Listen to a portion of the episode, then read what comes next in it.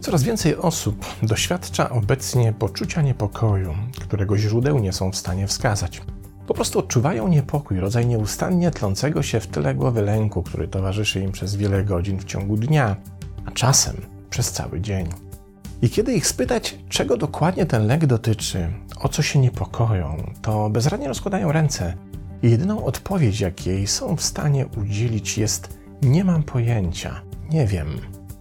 I tu pojawia się problem, bo wszystkie znane mi sposoby pokonywania lęku są oparte o metody, w których podstawą, a jednocześnie niezbędnym warunkiem skuteczności jest lokalizacja źródła lęku.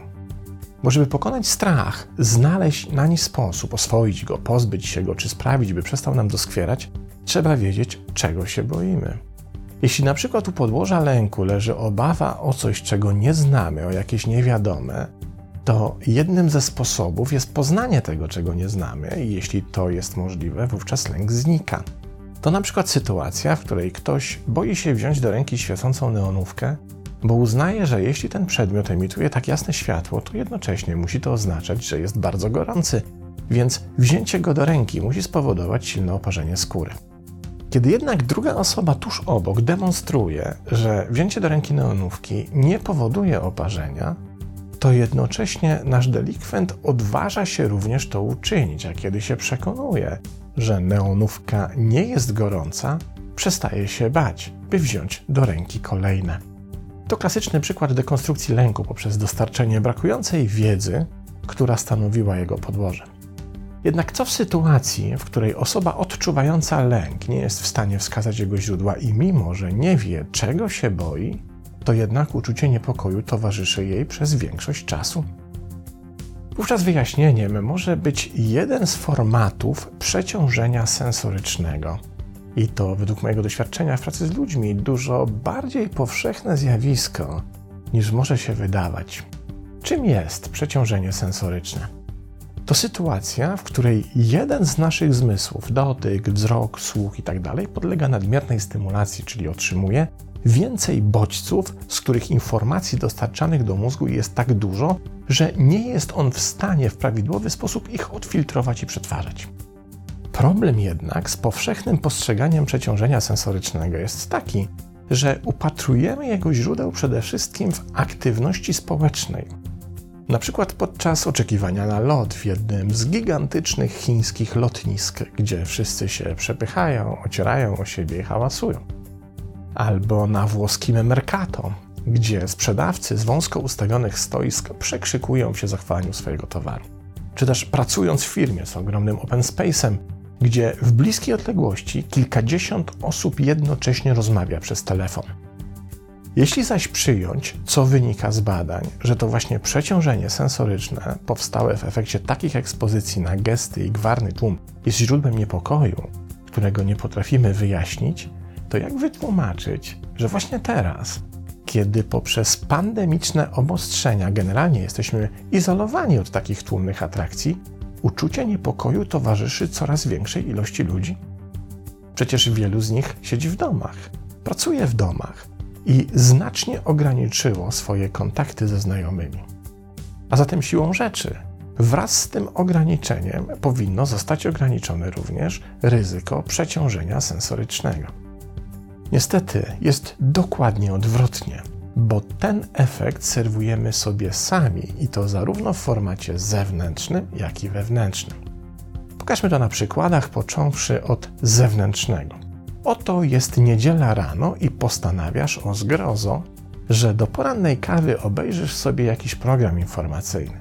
Na pierwszej stacji rozmawiają politycy odpytywani przez panią redaktor.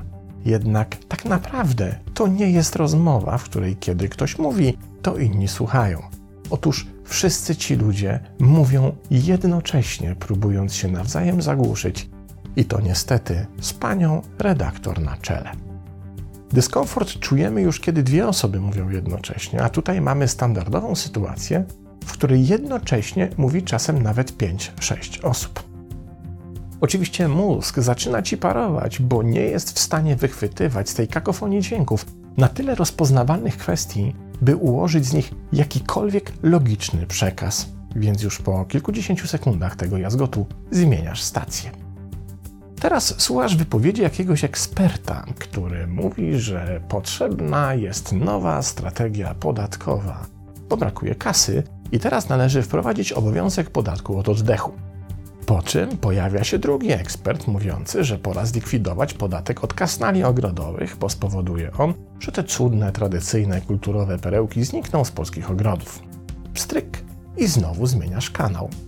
A na nim akurat dyskutują trzy panie ekspertki na temat zgubnego działania cukru na nasz organizm, wskutek którego wszyscy zaraz umrzemy. No tak, kiwasz głową, to przecież wiadomo. I nagle stacja przerywa nadawanie, bo pojawia się blok reklamowy, więc przed Twoimi oczyma zaczynają śmigać kolorowe obrazki batoników, napojów gazowanych, czekoladek i kisielu. Zaraz zaś po reklamie zapowiadany jest reportaż z otwarcia nowej, sfinansowanej z unijnych środków wielkiej i nowoczesnej cukrowni. Wystarczy tych przykładów, a mógłbym tak bez końca. Jednak dodajmy, cała kawowo-telewizyjna akcja trwała zaledwie kilka minut. Natomiast nie dość, że dostarczyła nam potężną dawkę informacji, to jeszcze wiele z nich było sprzecznych ze sobą. I tutaj mózg zareaguje dokładnie tak samo, bo z jego perspektywy to również potężne przeciążenie sensoryczne. I co najgorsze, w efekcie tych zaledwie kilku porannych minut zostało stworzone idealne podłoże do tego, by w późniejszych porach dnia pojawiło się uczucie niepokoju. Jego źródeł oczywiście nie będziemy potrafili wskazać, bo nawet nie wpadniemy na to, że stoją za nimi te telewizyjne, wrzeszcząco straszące głowy. Jak się okazuje, wcale do tego nie potrzebujemy interakcji w tłumie. Wystarczy siedzenie w domu i kompensowanie sobie braku zewnętrznych atrakcji częstym oglądaniem telewizji czy surfowaniem po portalach społecznościowych w poszukiwaniu wieści ze świata, co ma dokładnie taki sam skutek. Jednak tak samo groźny, co zewnętrzny, jest wewnętrzny format przeciążenia sensorycznego, który niestety serwujemy sobie sami i to na własne życzenie. Żeby pokazać jeden z jego aspektów, również przydarzający się najczęściej, posłuszmy się psychologiczną koncepcją określaną jako efekt pilności nagłości, którą spróbuję pokazać na przykładzie dwóch alternatywnych koncepcji, które tworzymy w głowie. Pierwszą jest koncentracja na procesie, czyli coś, co możemy nazwać postawą niepilną. Drugą koncentracja na zamierzeniu, czyli postawa pilna. Różnica zaś pomiędzy tymi dwiema postawami przebiega wzdłuż osi aktywności jako celu samego w sobie i aktywności jako działań prowadzących do jakiegoś celu. Zacznijmy od drugiej opcji. Oto Ewa, która kieruje się imperatywem wykonania zadań, w którym celem jest możliwie jak najszybsze osiągnięcie tego, co ma zostać zrobione. Dla przykładu, kiedy Ewa pije poranną kawę, to jej koncentracja nie obejmuje kawy, ale to, co ma zrobić po jej wypiciu to rodzaj postawy, jeszcze tylko kawa i już się za to biorę. I ten wzorzec dotyczy każdej jej czynności. Są wykonywane głównie po to, by móc je, mówiąc potocznie, odfajkować i przejść do kolejnych. I nie ma znaczenia, jakie to czynności, czy prywatne, czy zawodowe, bo niezależnie od tego, za co się Ewa zabierze, zawsze jest coś, co już wisi w powietrzu i co jest do zrealizowania później. Z tej perspektywy siedzenie w fotelu i picie kawy jest marnotrawieniem czasu, chyba że w trakcie tej czynności jest wykonywane jakieś zadanie, na przykład rozmowa, ustalenia, negocjacje i tym podobne. I tę postawę widać po tym, jak Ewa się porusza. Szybko chodzi, szybko mówi i szybko śpi. Moglibyśmy powiedzieć, że kierując się ideą wydajności, Ewa uznaje, że wydajność jest mierzalna wyłącznie poprzez ilość czynności do wykonania. Na przykład dla tego typu osób nie tylko medytacja jest koszmarem, ale nawet sam relaks, chociażby kilkuminutowy. To życie w nieustannym gorączkowym pośpiechu, który Ewa sobie sama narzuca i który, kiedy ocenimy obiektywne efekty, tak naprawdę w wielu przypadkach w ogóle nie jest potrzebny, bo niczego nie wnosi ani wydajności, ani też jakości. Co więcej, Ewa uznaje się za osobę zadaniową i sprawczą, ale pewnie nas to nie zdziwi, że uczucie niepokoju towarzyszy jej częściej niż innym ludziom i to właśnie na skutek tego samego mechanizmu, którym nieustannie atakuje swój mózg przeciążenia sensorycznego. Na drugim biegunie znajduje się Robert, który jest wyłącznie skoncentrowany na procesie, a nie na zamierzeniu. Kiedy pije kawę, to oczywiście rozmyśla nad piciem kawy, a nie nad tym, co będzie za chwilę. Dla niego istotne jest to, co robi, kiedy to robi, a już niekoniecznie to, że może to do czegoś doprowadzić. To oczywiście ma swoje dobre i złe strony. Robert rzadko się irytuje, mniej męczy i generalnie jest szczęśliwszy, ale czy aby na pewno wywiązuje się ze wszystkich zamierzeń? Są takie, za które się bierze i których nigdy nie doprowadza do końca. Mamy zatem dwie skrajności na osi pilność-nagłość, czyli miejsce, w którym znajduje się Ewa, i niepilność, nienagłość, na którym to miejscu znajduje się Robert. Kiedy zaś przypatrujemy się tej osi, to wydaje nam się logiczne, że najlepiej się usadowić gdzieś po środku, być odpowiednio sprawczym, ale się nie zajechać, prawda? Jednak tutaj czeka nas niespodzianka. Otóż okazuje się, że po pierwsze, lokalizacja na tej osi jest związana z naszymi indywidualnymi cechami, ale po drugie, znajduje się na niej pewna niewidzialna granica, która również jest umieszczona w różnych miejscach dla każdego z nas osobna.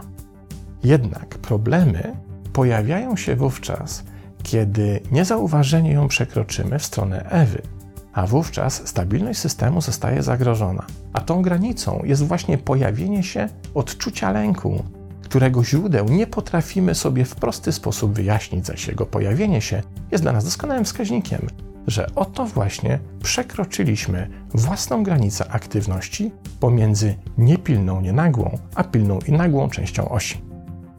Jak widać, nawet irracjonalne poczucie lęku, który zaczyna nam towarzyszyć za dnia, mimo iż zrazu nie potrafimy wyjaśnić, zlokalizować jego przyczyn, może być dla nas bezcenną informacją, że właśnie w naszym systemie opartym na neuroprzekaźnikach zaczęły się dziać jakieś niepokojące rzeczy.